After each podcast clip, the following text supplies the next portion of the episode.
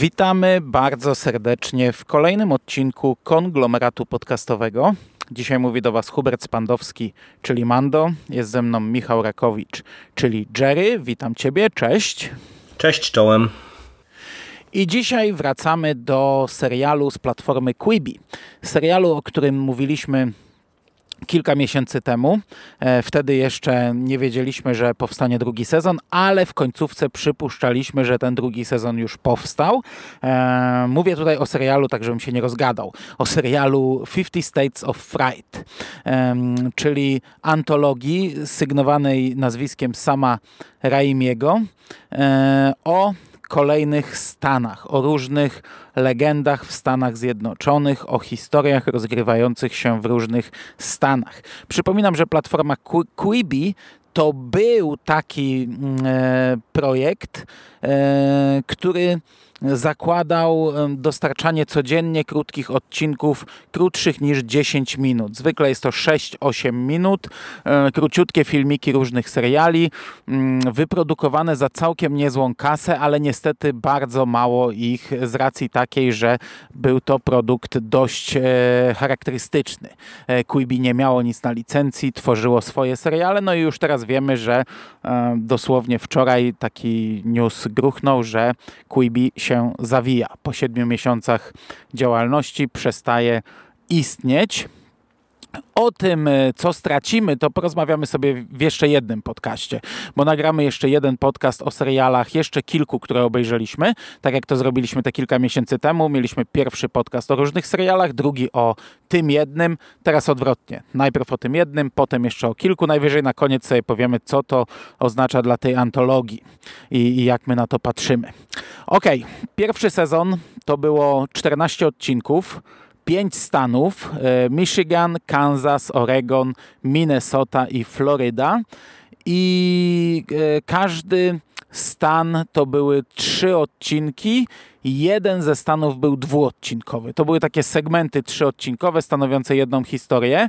Teraz mamy tego mniej niestety. 10 odcinków i tylko cztery stany i aż dwa z nich są dwuodcinkowe. Także ten sezon jest naprawdę krótki, można na raz go obejrzeć.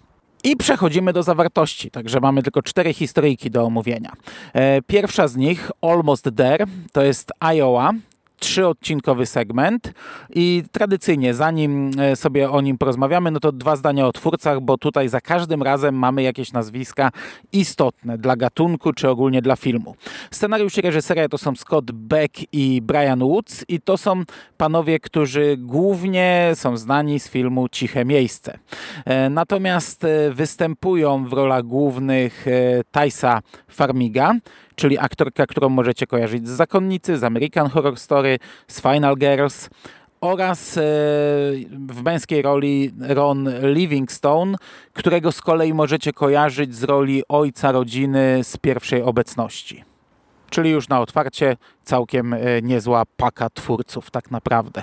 A, a, a to będzie w każdym odcinku. Chcesz kilka zdań, czy jak będziesz mówił o e, samym odcinku, to najwyżej Nie, myślę, tam może to, się to jakoś wyjdzie pewnie miejsca. W, trakcie, w trakcie odcinka. O, Zdziwiłem się tylko, że o Livingstonie nie wspomniałeś, że też Kingowy to aktor. E, w sumie to zawsze takie nawiązania gdzieś tam się pojawiają. On, on, też e, w, przed, chociażby w serialu się pojawił Marzenia i koszmary w jednym z odcinków w dosyć istotnej roli. Także no to w ogóle dobrze kojarzona jakoś tam postać.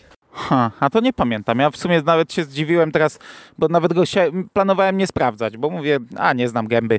Koniec a, całego bałaganu, miałem... jeżeli dobrze pamiętam, bo a, na no mnie... no to on grał tam z, Hen z Henrym Tomasem razem. No, on, e, w sumie, na mnie duże wrażenie ten odcinek zrobił. Dla mnie. I dlatego no, go no, pamiętam. Mhm. Super odcinek. No dobra, to patrz, zapomniałem zupełnie. E. Okay. Odcinek zaczyna się podczas nocy e, w, w, w, jakiejś rodzinie Amiszów. Mamy matkę i trzy córki. Matka budzi te dziewczynki i każe im e, iść gdzieś przez pole, kukurydzy, idą do jakiegoś mostu. Mm, matka powtarza cały czas to tytułowe almost there e, i na moście zarzuca im pętlę na szyję i zrzuca po kolei te córki. Albo każe skakać samodzielnie, albo je spycha. E, ostatecznie zarzuca też sobie pętlę na szyję i też się wiesza. Fantastyczna scena. Znaczy, to jest e, od początku już bardzo nerwowa scena, ale mówię wizualnie fantastyczna, jak te cztery ciała wiszą i nadjeżdża pociąg, bo oni w konkretnym momencie się wieszają, żeby pociąg uderzył w te ciała.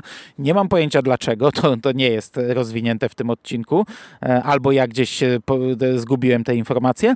Natomiast jedna jedna z tych bohaterek, czyli Hanna, jedna z córek, która nie chce skoczyć, w momencie, gdy matka ją spycha, to tam troszeczkę rozplątuje się sznur, jest źle przywiązany, co amortyzuje trochę upadek, no jej kark nie zostaje skręcony w tym momencie i ona w ostatniej chwili ratuje się z tego. Przeskakujemy o 20 lat. E, od razu poznajemy e, Hanę jako pracownicę. Ona jest jakimś automatykiem i dostaje w nocy telefon, że e, awaryjnie zostaje wezwana do awarii właśnie, do jakiejś bardzo poważnej awarii. I pierwszy odcinek kończy się tym, że znaczy na, na początku dowiadujemy się, że cały czas po tych 20 latach to w niej siedzi. Gdy ona tam, nie wiem, wstaje tylko na krześle, to już słyszy dźwięk pociągu, widzi światła, a dowiadujemy się, że musi naprawić awarię, musi zresetować system i gdzieś tam coś odpalić e, na szczycie gigantycznego wiatraka, który jest jednym z wielu wiatraków, które zasilają w energię, nie wiem, jaką część e, tej powierzchni, cały pół stanu, cały stan, nie wiem ile, ale dużo, no i to musi to zrobić. I ten pierwszy odcinek kończy się fantastyczną sceną, jak ona patrzy w górę na ten gigantyczny wiatrak. I dwa następne odcinki to jest ich podróż, właśnie Hany i Blake'a, na szczyt tego wiatraka. E, Hanna walczy ze swoimi strachami, i które, które pojawiają się jako duchy. My nie wiemy w sumie do końca, czy to są prawdziwe duchy, czy to jest, są tylko jej strachy, z którymi ona walczy. I to jest fantastycznie zrobione. Tu jest tyle motywów ogranych, takich właśnie. Mm, ja, ja, ja oglądałem to w ogromnym naprawdę napięciu. Mo, może ja już długo mówię, to tobie oddaję głos. Jak tobie się to podobało? No, rewelacyjnie mi się podobało. E, ten odcinek całościowo, ten segment e, jest kapitalny. Naprawdę. To jest e, bardzo tak prosta jest. historia, tak naprawdę, ale mam wrażenie, że to jest ta, taki przykład, jak przy pierwszym sezonie mówiliśmy przy nie, tych niektórych historiach, że historia jest może i prosta, ale wyciśnięto z niej po prostu 120%. I y, pomimo tego, że ja mam drobniutką jedną uwagę, bo trochę nie do końca e, rozumiem, mam wrażenie, że gdzieś to nie zostało powiedziane, e, dlaczego ona się boi drabin, bo to jest w sumie istotne w tym odcinku, e, czy w całym tym segmencie, to odcinek. Znaczy no, w pewnym momencie te drabiny bardzo mocno przypominają tory. Tak, ale to, to jest, wiesz, to jest y, tak y, dopiero w którymś momencie pokazane i ja trochę nie widzę związku, bo y, wizualnie ta... No ona ta... ogólnie wysokości się boi, mi no, się wydaje. Chyba tak, wydaje mi się, no, że to nie tylko możliwe. drabin, tylko wysokości, nie? A akurat tutaj, że to się na drabinach dzieje, e, no to, no to taki przypadek, nie? No, ale tak troszeczkę mi to zgrzytało, natomiast nie zmienia to postaci rzeczy, że ten odcinek jest kapitalny.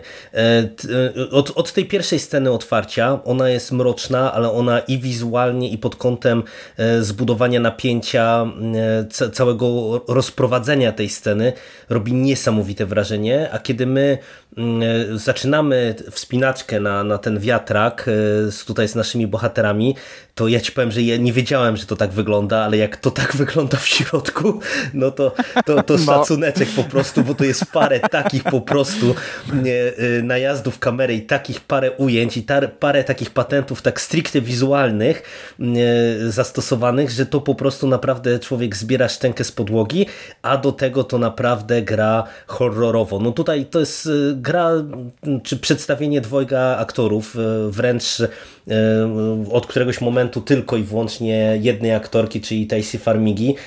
Ona tu wypada świetnie, naprawdę robi niesamowitą robotę. Ron Livingston też ma, ma spoko rolę i się wywiązuje ze swoich zadań.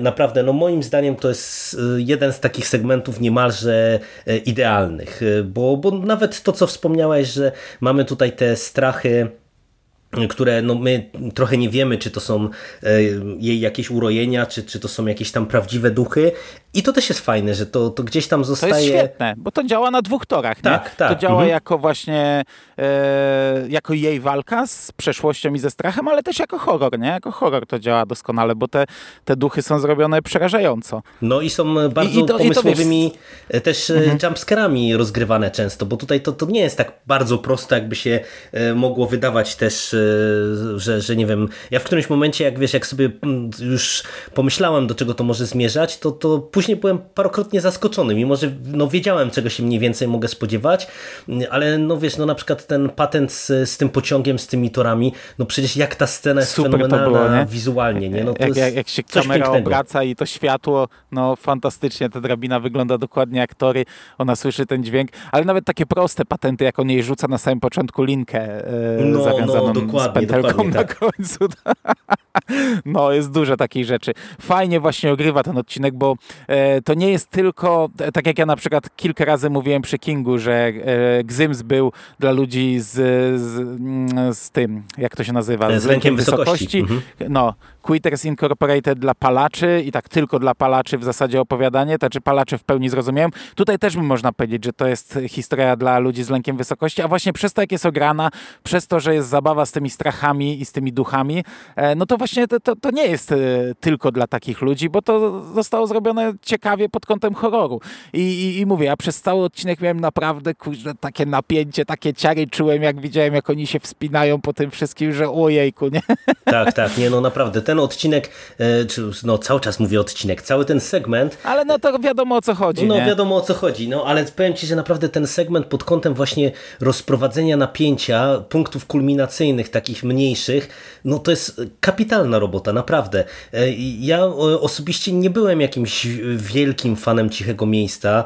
E, no mam wrażenie, że ten horror jest trochę przereklamowany i, i no nie wiem, być może to też właśnie przez to, że on nagle tak się wdał, wdarł szturmem do mainstreamu i nagle wszyscy stwierdzili, że o w końcu nie robi się tylko tych głupich horrorów z krwią i flakami na wierzchu, tylko w końcu coś innego, co mi się wydawało bezsprzecznie durne i wiesz, wszystko we mnie krzyczało i, i to być może też rzutowało na mojej opinii o tym, o tym filmie, no ale tutaj naprawdę y, zrobili bardzo dobrą robotę y, ci, ci twórcy.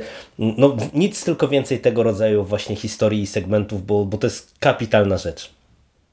Mhm. Niestety dla mnie chyba najlepszy z tego no, niestety tak. sezonu. Ni niestety on chyba tak. E, no, źle podziałał, że poszedł na początek, bo tak jak ja naprawdę się spociłem na, na tym segmencie, to, to później mamy, wydaje mi się, równie pochyłą tak naprawdę.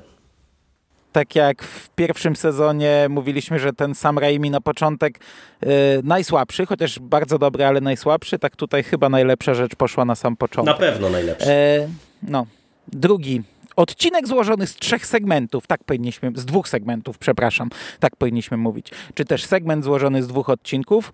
E, 13 Steps to Hell i stan to jest Waszyngton. I żeby rozliczyć się z twórcami, no to akurat tutaj scenariusz i reżyseria to są w zasadzie no-name'y. E, za scenariusz odpowiada pani Sara Konrad e, Kroeller, nie wiem, i ona zrobiła ten odcinek i jakiś short. Co prawda ten short to też horror, ale to tylko tyle. E, a, a nawet nie sprawdzałem, czy przypadkiem ten short nie jest tym odcinkiem, bo widziałem, że IMDB czasami tak robi, że rozdziela. Przy jakimś twórcy coś takiego zauważyłem. Natomiast reżyseria Lee Cronin i to jest też raczej człowiek bez dorobku. Miał dosłownie tam kilka filmów, ze dwa horrory, ze... miał dosłownie tam kilka filmów, ze dwa horrory. Nie znałem, natomiast jeśli chodzi o obsadę, to tutaj już jest e, e no bardziej mm, przyjaźnie, to, znaczy znajome twarze, ponieważ w roli głównej występuje e, Rory Kalkin, to jest jeden z braci e, Maccalaya Kalkina. E, który wystąpił m.in. w Znakach, w Krzyku 4, w tym serialu, e, który miał później premierę, horrorowy serial od Quibi The Expecting, który też omówimy, w Castle Rock, w pierwszym sezonie Castle Rock i jeszcze w kilku innych rzeczach. Natomiast w mm, dziewczęcej roli jest Lulu Wilson. I to jest dziewczyna, która grała w drugiej Annabelle, w drugiej, w drugiej Ouija, e, w Nawiedzonym domu na wzgórzu, e, w Becky, teraz taki horror wyszedł, e, Deliver Us From Evil, a też w innych produkcjach niehorrorowych ostatnio, chociażby w Picardzie czy w Sharp Object. E, no, ale ma, to jest ta dziewczynka, która ma dość dużo horrorów na koncie w ostatnich latach. To mhm, teraz tak, już nie tak. dziewczynka, no już nastolatka. E, I historia jest krótsza, dwuodcinkowa. Mm, śledzimy ją dwutorowo. Widzimy Kalkina, który E, opowiada nam, mówi do kamery o pewnej historii, e, o pewnym miejscu, które ma jakąś legendę, jest jakoś nawiedzone e, i opowiada nam historię mm, trojga dzieci, które idzie w to miejsce. Mm, przypomnij mi, po co oni idą. Oni idą w zasadzie to, to, to na jakiś tam e, cmentarz, który e, mają pochować tam jakąś zabawkę tego najmłodszego no, no, no bo dzieciaka. Tam to, to, nie jest jakoś jasno powiedziane. Nie wiem. Nie, ich matka nie, nie, dopiero co umarła, co widzimy w kolejnych retrospekcjach, takie retrospekcje w retrospekcjach, umarła najprawdopodobniej na raka albo na, na jakąś tego typu chorobę. E, no i oni teraz radzą sobie jakoś z tym. Ten najmłodszy syn otrzymał od niej krótko przed śmiercią zabawkę, maskotkę jakoś jest, jest to rytuał, którym, którym mają się jakoś tam pożegnać e, z matką. E, dochodzi do e, trochę takich nadprzyrodzonych zwidów.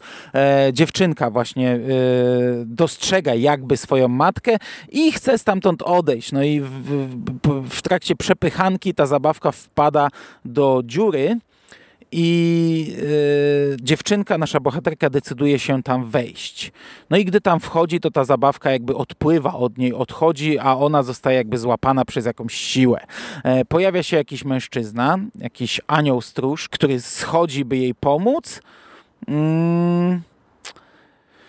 Ogólnie, żeby nie zdradzić całego odcinka, bo już jestem e, blisko końcówki, to jest jakaś dziwna jama, w której ludzie mierzą się z własnym piekłem. A co zobaczyła dziewczynka, akurat się dowiedzieliśmy, ale co zobaczyli inni e, ewentualni bohaterowie, no to niekoniecznie. Natomiast na koniec dostajemy jakiś tam zwrot akcji, dowiadujemy się, co ma wspólnego ten monolog e, Kalkina E, z tymi wydarzeniami z przeszłości e, i dlaczego on zwraca się do nas y, niczym jakiś, początkowo myślałem, że to jakiś youtuber po prostu mówiący, okazuje się mhm. nie zupełnie Podobne coś innego, e, z, zupełnie w innym kierunku. Dobrze, to tyle jeśli chodzi o fabułę. Jak wrażenia kolego? Wiesz to ponownie bardzo dobre. Nie aż tak dobre jak w przypadku Almost There, E, natomiast e, to jest świetny segment. E, I to troszeczkę mnie zaskoczyło w sumie, jak zakończyłem te, te dwa odcineczki krótkie, bo w zasadzie tutaj trochę i tytuł, i od pierwszych zdań no my w sumie dużo wiemy, bo tytuł to jest 13 stopni do piekła, a w zasadzie w jednym z pierwszych zdań e, ten bohater grany przez e, Kalkina sygnalizuje, że właśnie tam dzieci, e, dużo osób tam na tym cmentarzu coś strasznego przeżyło, bo tam jakaś rodzina czarną magią się zajmująca coś tam robiła i coś otworzyli. Więc my mniej więcej podskórnie wiemy czego się spodziewać, E, ale mhm. znowu, e, jest tak, że pomimo tego, że to jest króciutki e, odcinek, podzielony tylko na te dwa segmenty, to mam wrażenie, że tutaj scenariuszowo jest to bardzo dobrze rozpisane.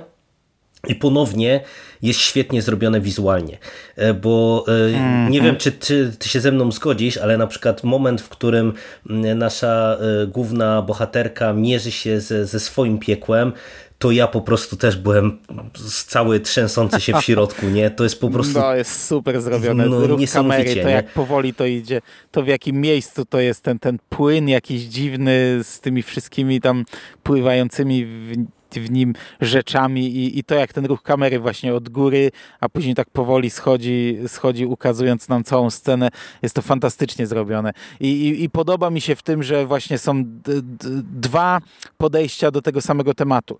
Najpierw ona widzi swoje piekło i to jest nam pokazane dokładnie, z każdym szczegółem, wszystko widzimy i mówimy wow, a drugie nie, nie wiemy kompletnie. Tak, Musimy właśnie to, to miałem na myśli, nie, że... Tylko no tylko wyobrażać, co Tutaj scenarzyści naprawdę pomyśleli, nie? żeby nie pokazywać wszystkiego, tym bardziej, że później z perspektywy dalszego ciągu tej historii, no to, to ma to naprawdę też dużo sensu i, i, i daje to dodatkową podbudowę, nie? więc no, dla mnie naprawdę znowu bardzo dobry e, odcinek z prostym pomysłem, nawet początkowo, wiesz, ja się trochę obawiałem, czy jak zobaczyłem cmentarz, dzieciaki i jakiś tam rytuał, to mi się tak skojarzyło ze cmentarzem zwierząt, że mm, zacząłem się obawiać, że, żeby nam tutaj nie zaserwowano czegoś podobnego, ale nie, twórcy e, obrali inną ścieżkę i, i ja się cieszę, bo to był naprawdę, mówię, bardzo dobry segment, kolejny w tej antologii już patrząc po całości.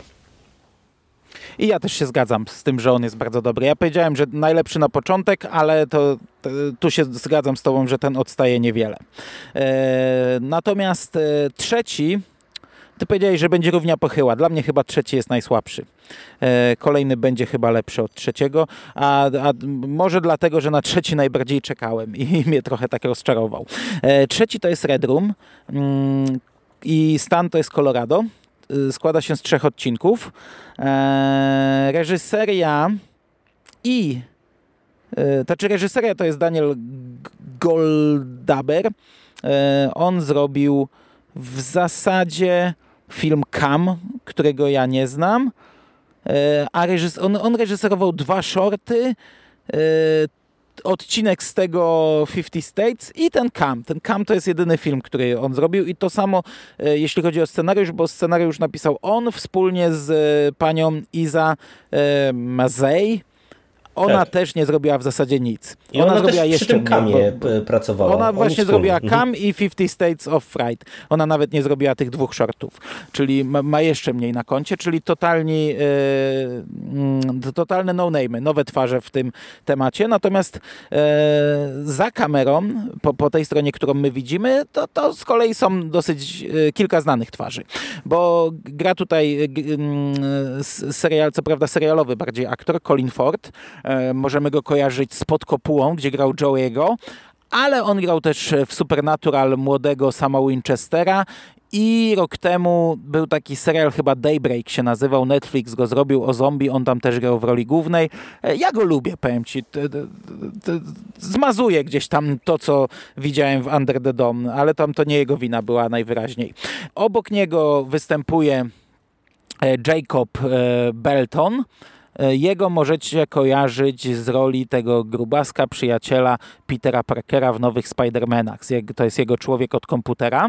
E, natomiast jeszcze razem z nim jest jedna dziewczyna, mm, ale jej ja nie kojarzę aktorki a e, po hotelu oprowadza ich Christina Ricci, czyli już takie większe nazwisko.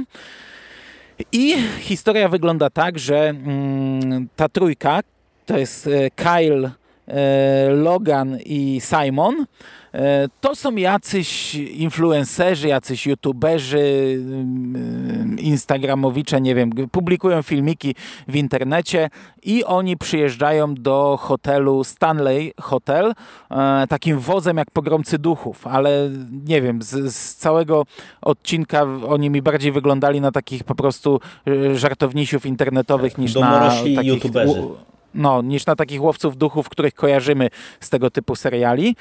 Odcinek zaczyna się, i od tego powinienem też ja zacząć, od takiej reklamy hotelu y, Stanley. E, facet na takim green screenie, to jest stylizowane na e, VHS-a, e, widać za nim góry w Colorado, widać ten hotel i on opowiada o tym, że no, to jest hotel, który zainspirował Stephena Kinga do napisania Lśnienia. E, no i nasi bohaterowie przyjeżdżają, żeby sobie ponagrywać nawiedzone miejsca. Mieszkają w pokoju 212, nie wiem dlaczego. Najbardziej nawiedzony pokój w tym hotelu, nie wiem dlaczego 212. Przeglądałem trochę internet, e, bo pamiętam, ja, ja trochę już nie, nie, nie, pamiętam historii lśnienia. Pamiętam, że przy lśnieniu się mówiło, że zmienił pokój z dwóch powodów, chyba właśnie, żeby nie robić złej reklamy um, hotelowi i wybrał chyba taki numer w, w, do filmu, którego nie ma w hotelu, ale 217 tam na pewno jest, bo był kiedyś taki serial właśnie o łowcach duchów, którzy e, byli w tym pokoju, a też e, dzisiaj na szybko, wiesz, googlując, widziałem sporo filmików ludzi na YouTubie z ich wrażeniami z nocy z pokoju 217, że ludzie jeżdżą faktycznie i nagrywają swoje wrażenia z nocy w tym pokoju. E, no tutaj mamy pokój 212. E, nasi bohaterowie chodzą, robią sobie żarty, chcą różne rzeczy nagrywać, a Christina Ricci ciągle im mówi, że tu nagrywać nie wolno. Cały czas im zakazują nagrywać, bo to tam jakoś denerwuje duchy, nie? bo ten hotel jest reklamowany tutaj jako, e, jako hotel nawiedzony. I oni co jakiś czas widzą różne mm, takie dziwne rzeczy i tak naprawdę w każdym odcinku ktoś z nich ginie i to się kończy. I, i to taki, taki prosty horrorek, e, taki, który mnie rozczarował. Znaczy, wiesz to wydaje mi się, że rozczarowujący on jest e, przede wszystkim w związku z tym, że jak e, no, jeden segment przed nami, więc to już mogę tak trochę generalizować, jak się spojrzy na całą antologię, to w zasadzie my nie mieliśmy takich standardowych odcinków. Nawet jeżeli twórcy wychodzili od jakiegoś ogranego pomysłu, to wydaje mi się, że mm, starali się zrobić e, coś ciekawego, nie wiem, albo pobawić się formą, e, albo zaproponować jakieś nowe rozwiązanie, albo nie wiem, wykorzystać znany motyw i, i e, trochę mm, pograć sobie z tym, co, co, czego się widz może spodziewać. A to jest taki po prostu no, generyczny horrorek. Y, my y, po pierwszym morderstwie dokładnie wiemy, jak się ten y, cały odcinek, segment skończy. I to jest właśnie rozczarowujące, no bo no, ja jednak się spodziewałem, że oprócz nawiązań, bo to tutaj trochę tych nawiązań e, do, do Kinga i do lśnienia mamy. Niektóre nawet były dla mnie zabawne, jak ta taka e, koszula czy kapotka, w której chodzi jedna z postaci. W... No to jest fajne, ten grubasek w tej tak, tak. koszuli tak. z wykładziną, z wzorem z wykładziny. Ale oprócz tego to są jeszcze tylko dwa duchy bliźniaczek e, w tłumie z innymi duchami dzieci i to chyba wszystko. A, no. a, jeszcze nie, jeszcze na tym, na tym całym filmie, tym otwierającym, właśnie to mnie nastawiło, że będzie tego więcej, bo e, tam są podane różne morderstwa, do których doszło w tym hotelu i to, no nie dam sobie głowy uciąć, ale tak kilka palców bym sobie dał uciąć, że to są e, morderstwa z lśnienia konkretnie. Chyba, że King też wykorzystał jakieś tam e, prawdziwe rzeczy skądś. No ale później wiesz, te morderstwa z tego filmiku początkowego, one są tam gdzieś powielane, więc ja to kupuję, tylko że po prostu no właśnie problem polega na tym, że to jest, no mówię, no taki generyczny horrorek o duchach. No, no nic no. kompletnie interesującego, nic ciekawego i no widzieliśmy takich rzeczy nawet w takim stylu myślę wiele, bo, bo e, filmów, które się rozpoczynają od tego, że mamy grupę niedowiarków, która sobie robi pranki, a później duchy im pokazuje, pokazują gdzie ich miejsce, no to wiesz, to, to, to było w ogóle na pęczki. Mm, więc y, no nic zaskakującego, realizacyjnie jest sprawnie, chociaż e, ci powiem, że nawet pod tym kątem e, to jest dla mnie chyba mm, jeden z najsłabszych odcinków, przynajmniej pod jednym mm -hmm. kątem, bo e, w tym serialu jakoś tak mam wrażenie, że było sporo dzieciaków i tak jak zawsze te dzieciaki grały bardzo dobrze, tak tutaj mamy scenę no. grupową z dzieciakami i to wygląda bardzo źle. To, to wygląda bardzo źle i to nie tylko wizualnie, ale też właśnie pod kątem aktorstwa. No nie wiem, czy taki efekt chciano osiągnąć, ale to, to wygląda sztucznie, to wygląda słabo. Się zgadzam. Nie, zgadzam to nie straszy, to, to wybija po prostu tak naprawdę i to w takiej scenie, która teoretycznie powinna wzbudzać w nas widzach jakieś napięcie, a to jest po prostu totalnie antyklimatyczne i, i nie wiem, co się tutaj zadziało pod tym kątem, no bo nawet wiesz, mieliśmy odcinek wcześniej skupiony tak naprawdę na dzieciach i na nastolatkach i, i wypadało to super, a tutaj nagle nawet pod tym kątem właśnie taki, taki zgrzyt dziwny. Ja się zgadzam. Pod kątem horroru na mnie nie działał ten odcinek. E, to, to pierwsze morderstwo jeszcze spoko. Tak, ono to było e, fajne I, tutaj, i wizualnie było fajne no znowu. I, no i, i, i, to, gdzie to się rozgrywa, ale, to, ale też to tylko spoko. To nie jakoś, nie jakoś rewelacja, ale, ale okej, okay, nie? E, I, I tam jeszcze to było to Red Room w sumie to tytułowe, więc to też jakieś tam nawiązanie do lśnienia, e, ale potem im dalej, tym coraz mniej mi się podobało. Gdy mamy tę scenę z tym kowbojem i on wygląda jak wycięty z filmu i nałożony na mm, ten film, Ja podejrzewałem, że to będzie jakaś puenta fabularna, że wiesz, że, że, to kręcenie, że cały czas, cały czas są sygnały, że nie wolno wam filmować, bo to drażni duchy. E, nie wiem, no, no podejrzewałem, że to będzie jakaś puenta, że to kręcenie rozbudza duchy, nie wiem, e, i, i może właśnie e, Stephen King i Stanley Kubrick sprawili, że ten hotel stał się nawiedzony, bo tylu ludzi uwierzyło i ci wszyscy youtuberzy sprawdzają, sprawiają, ja wiem, że to nie jest nic wyszukanego i głębokiego, ale tak myślałem, że to w tym kierunku pójdzie i że to dlatego ten duch jest taki filmowy, bo jest właśnie e, gdzieś tam stworzony z, przez wiarę ludzi w filmy, e, a tak naprawdę coś takiego już było w pierwszym sezonie e, Supernatural, też właśnie o łowcach duchów, że to wiara ludzi sprawiała, że dom stawał się nawiedzony, więc, więc w sumie 15 lat temu a pewnie jeszcze wiele więcej. Dobra, bo odpływam. E, nie podobał mi się ten duch z filmu wycięty, nie podobały mi się te dzieci. Kurczę, one w ogóle nie robiły horrorowego wrażenia, a właśnie cały czas tak mnie wybijały, jak na nich patrzałem. Byli jakoś tak, nie wiem, źle zagrani, źle poprowadzeni te ich uśmiechy. Coś, co powinno być straszne, nie było straszne. I, i rzadko to się zdarza, bo dzieciaki jednak w horrorach, e, e, w takich scenach potrafią przerazić, także coś musiało pójść mocno nie tak, skoro to nie wyszło. No, no, ja tu nic nie dodam. No, rozczarowanie. Rozczarowanie, y, tak jak mówisz, tym bardziej y, pewnie większe z naszej perspektywy, no, że tutaj już na etapie y, tytułu jednak próbowali podpiąć się pod coś no, ikonicznego, jeżeli chodzi o horror, no więc spadli z wysokiego konia. No, no, dla mnie w ogóle chyba to jest najsłabszy z całego serialu odcinek, yy, patrząc na pierwszy sezon też. Yy, ale dobra, odcinek czwarty, ostatni, yy, nazywa się Dogwood Azalea i stan to jest Missouri e, i to są dwa segmenty, dwa odcinki, czyli znów krótki. I tutaj tak, e, w roli głównej gra dziewczynka. Ja jej za bardzo nie znam. Ona gra właśnie tą Azaleę. E, to jest Erika Tremblay. Widziałem, że w jakimś horrorze niedawno wystąpiła w 2017 Bye Bye Men, ale ja nie wiem, co to jest za film, w ogóle o nim nie słyszałem. Natomiast e, jej matkę gra Elizabeth Rizer i to już jest kobieta, którą e, kojarzymy. Ona grała w Nawiedzonym Domu na Wzgórzu, grała w jakimś horrorze Nightmare Cinema, którego nie kojarzę, grała w drugiej Ouija, grała też w Zmierzchu. E, jej męża, no to tego aktora akurat nie kojarzę, ale on grał Bruce'a Wayne'a w Batwoman, ale, ale z horroru go nie kojarzę. Natomiast narratorem tego wszystkiego, wiesz kto jest? Zauważyłeś tak, na Tak, zauważyłem. Byłem cały A. czas e, zainteresowany, ja cały czas gdzie czekałem, kiedy się pojawi.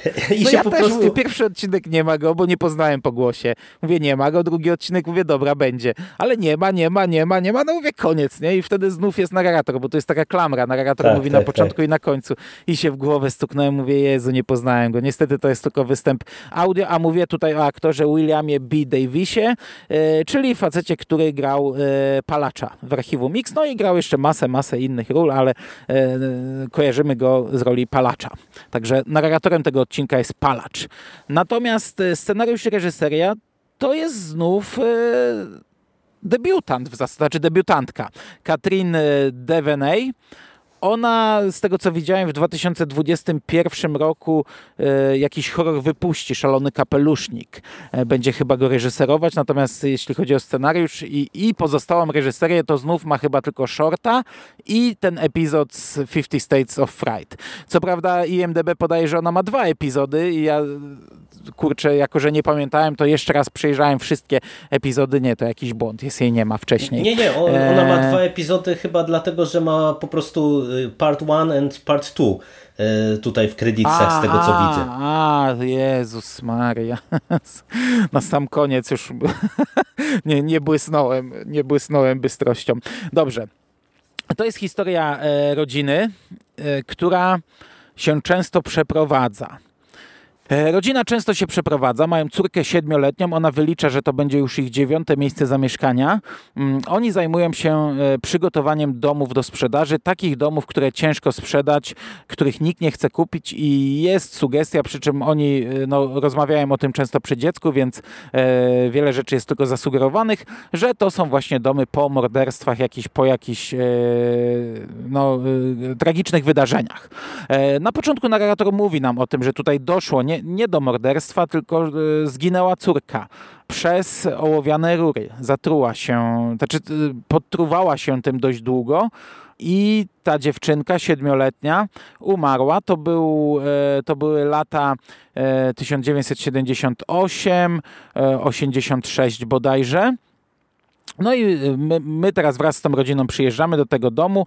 widzimy, że dziewczynka no, no źle to przeżywa. Nie chce już się wyprowadzać. Musi kolejny raz pożegnać się ze swoimi przyjaciółkami, co jest istotne, bo tutaj nawiąże nową przyjaźń.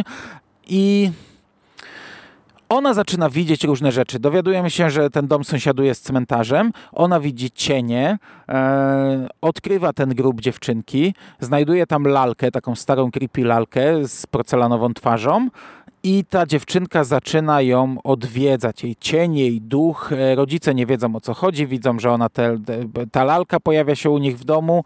E, no i to jest tak naprawdę krótka, prościutka historia, która prowadzi do mimo wszystko zaskakującej i mocnej puenty.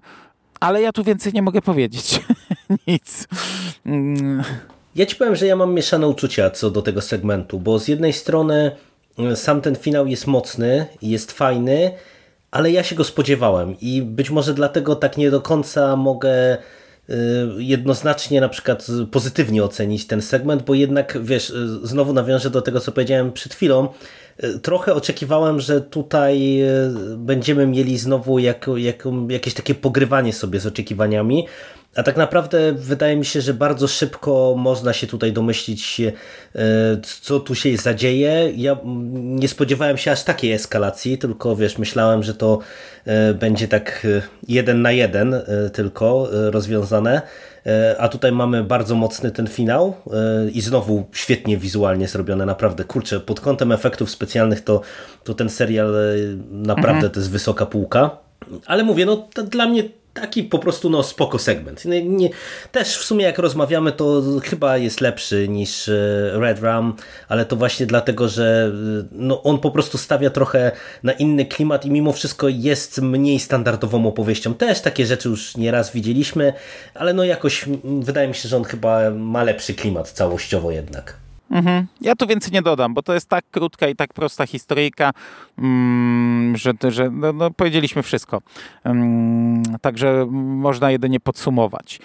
To jest nadal dobry sezon. Nadal dobry sezon. Przynajmniej dwa odcinki są naprawdę na bardzo wysokim poziomie.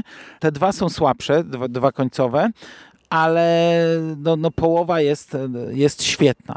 E, także ja jestem naprawdę nadal zadowolony. Jesteśmy po mm, 5 4 po 9 takich e, pełnych segmentach, dużych odcinkach. E, i, I zdecydowana większość była dobra albo bardzo dobra. To nie jest lepszy sezon od tego pierwszego. Przy czym no ja tutaj tak umownie nazywamy to drugim sezonem, bo to tak poleciało, ale one były nakręcone równolegle, jednocześnie. Po prostu Quibi sobie zostawiło kilka odcinków na potem, jak się skończy darmowa, e, darmowy okres e, u tych pierwszych klientów.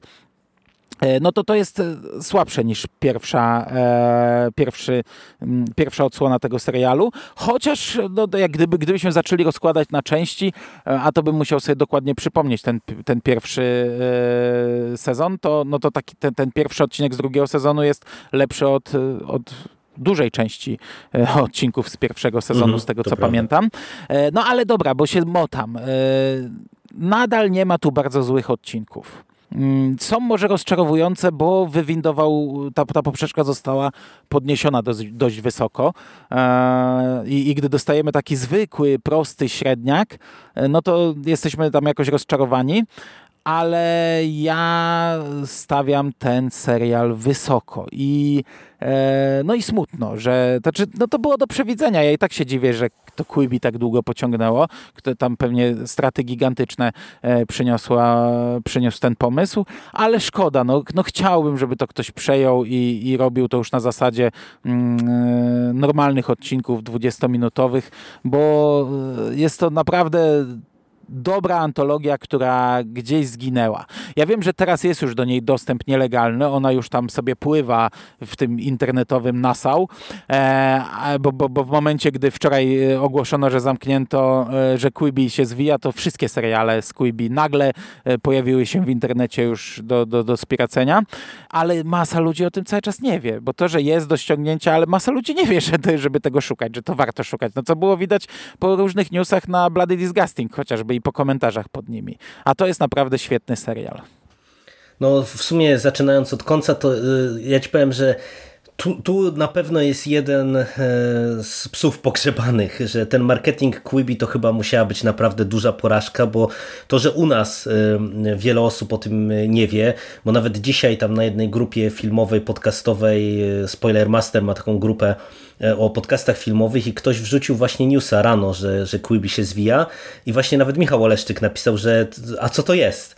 E, a wiesz, a to jest no, osoba, która siedzi w tym środowisku telewizyjno-kinowym, więc no, to jest jakiś tam wyznacznik tego, jak bardzo nikt o tym nie wie, bo, bo tam e, no, taki konsensus jest, ale to, że u nas nikt nie wie, to jedno, ale właśnie to, co wspomniałeś o Bloody Disgusting, że w zasadzie jak tam się pojawiła informacja najpierw o tym drugim sezonie 50 States of Freight, e, to ja jak spojrzałem sobie na sekcję komentarzy, to tam było mnóstwo komentarzy na zasadzie, a co to jest, a gdzie to można można obejrzeć, e, a, a, a czy to ma drugi sezon i wiesz, i, i, dalej w tym stylu. No. Oni po pierwszym już dali recenzję taką, że to jest fantastyczna antologia, której nikt nie ogląda. No, no, no, dokładnie. Co, coś dokładnie. takiego. Taki nagłówek był recenzji, pamiętam. No i, i, i, niestety pewnie tak było i ja się też zgadzam z tym, co mówisz, że to by była duża strata, gdyby ten serial e, no, miał się na tym zakończyć, bo e, ja ci powiem z perspektywy całości, że pomimo tego, że ja jednak uważam, że wyższy był poziom tego pierwszego sezonu, e, to właśnie nawet patrząc po tych czterech odcinkach, tych czterech segmentach, to moim zdaniem właśnie nie jest tak, że te dwa ostatnie, które trochę krytykowaliśmy, one są słabe. One są po prostu takie dużo dużo bardziej mm, generyczne, ale y, według mnie mhm. ten serial aktorsko, y, klimatem, y, wykonaniem efektów specjalnych, to on naprawdę robi niesamowitą robotę, bo mam wrażenie, że tutaj z niewielkiego budżetu, bo przecież te historie są naprawdę kameralne. No, bardzo dużo tych historii to się opiera na, na dwójce, trójce aktorów na jednej lokacji i tak dalej, i tak dalej, e, ale Mamy tutaj zawsze jakieś e, nazwisko, przynajmniej jedno e, znane i jakoś tam uznane w telewizji czy, czy w kinie. Mamy naprawdę świetne efekty specjalne, bo jakby przejrzeć te, te wszystkie odcinki, to tutaj mieliśmy naprawdę sporo efektownych zgonów i, i takich scen, gdzie e, efekty specjalne musiały zadziałać i one zawsze, zawsze były zrobione naprawdę na bardzo, bardzo wysokim poziomie, co przecież nawet w tej wysokobudżetowej telewizji teraz nie zawsze jest standardem, bo umów umówmy się, że nieraz e, no, no, z efektami specjalnymi bywa e, różnie.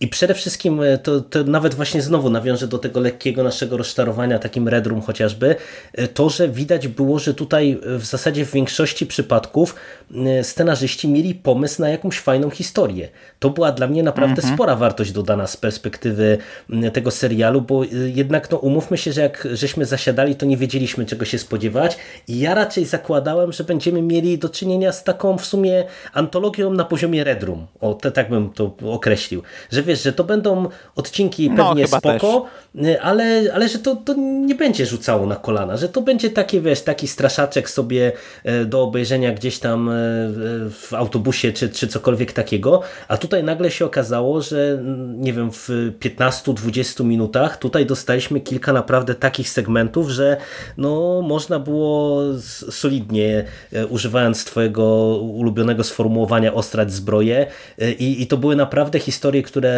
y, miały na siebie pomysł, potrafiły się bawić gatunkiem, pokazywały, że ludzie za nie odpowiedzialni właśnie czują konwencję, y, gdzieś tam y, siedzą w tym temacie. No, ja bym bardzo żałował, że jeżeli tutaj w ten czy w inny sposób to gdzieś nie, nie wypłynie w przyszłości, chociaż no umówmy się, to będzie lekko problematyczne, żeby ktoś to przejął, no bo jednak ten format, ja mhm. nie wiem na ile on jest e, do e, przełożenia do streamingu takiego klasycznego, telewizyjnego, no bo jednak Znaczy wiesz, oni... no powstałyby normalne 20, 20-minutowe odcinki, nie? Nie byłoby No ale wiesz, ale to mówimy o potencjalnym trzecim sezonie, no ale wiesz, co z pierwszym i drugim, no. nie? To, to, to jest pytanie też.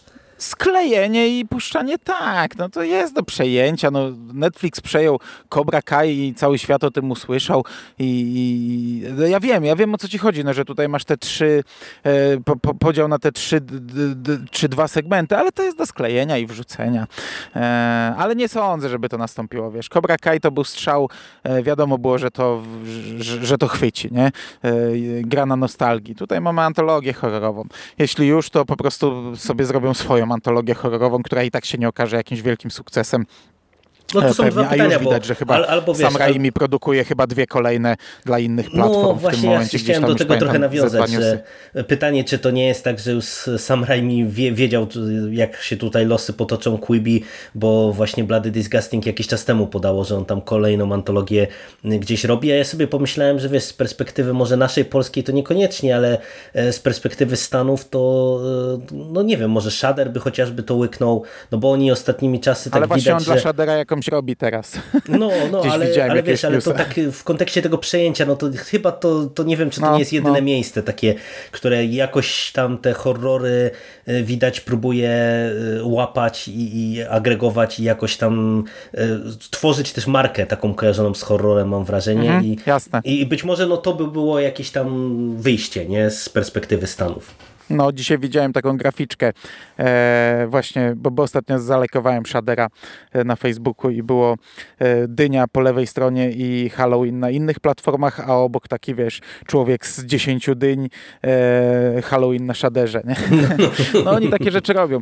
I oni nawet by mogli e, wrzucić to tak jak, tak jak jest w tych krótkich epi epizodach, bo przecież takie seriale oni też mieli. Mieli tych beznadziejnych Crittersów w, w kilkuminutowych e, odcinkach serial złożony z kilkuminutowych odcinków, także nawet by się nie musieli bawić w sklejanie, a trzeci sezon po prostu pociągnąć inaczej.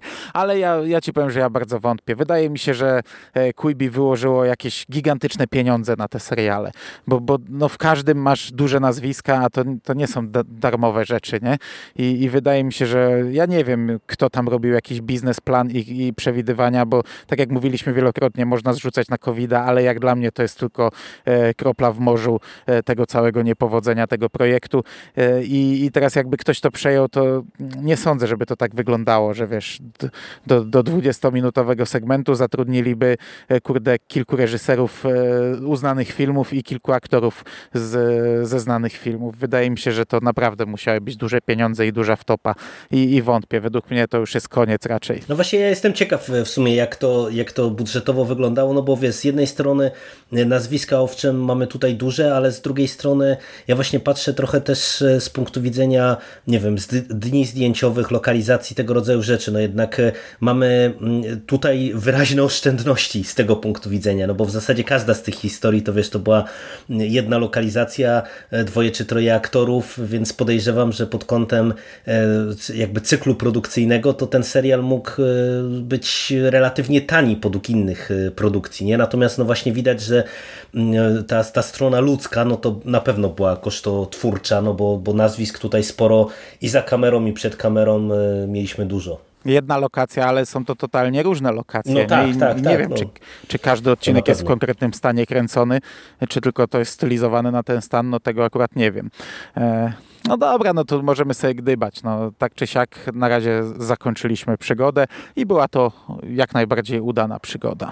Dokładnie, dokładnie tak. Oby więcej takich zaskoczeń pozytywnych. Tak jest. Dobrze. To fajnie, że nam się udało pogadać. Tak jak powiedziałem, będzie jeszcze jeden podcast o serialach od e, o serialach wyprodukowanych przez platformę Quibi. Będzie tam też jeden horror, bo już po drugim sezonie 50 States of Fright e, wyszedł jeszcze jeden horror. Ja go jeszcze nie widziałem, ty też go jeszcze nie widziałeś. E, ten odcinek, ten podcast nie jest w tej chwili dla nas priorytetem, bo zaczynamy powoli e, Halloween już tak pełną gębą, także on pewnie poleci sobie jakoś w listopadzie, podejrzewam. E, no ale będzie jeszcze jakieś tam zakończenie, podsumowanie. Natomiast na dzisiaj bardzo Ci dziękuję za rozmowę. Dzięki. I do usłyszenia w przyszłości. Cześć. Cześć.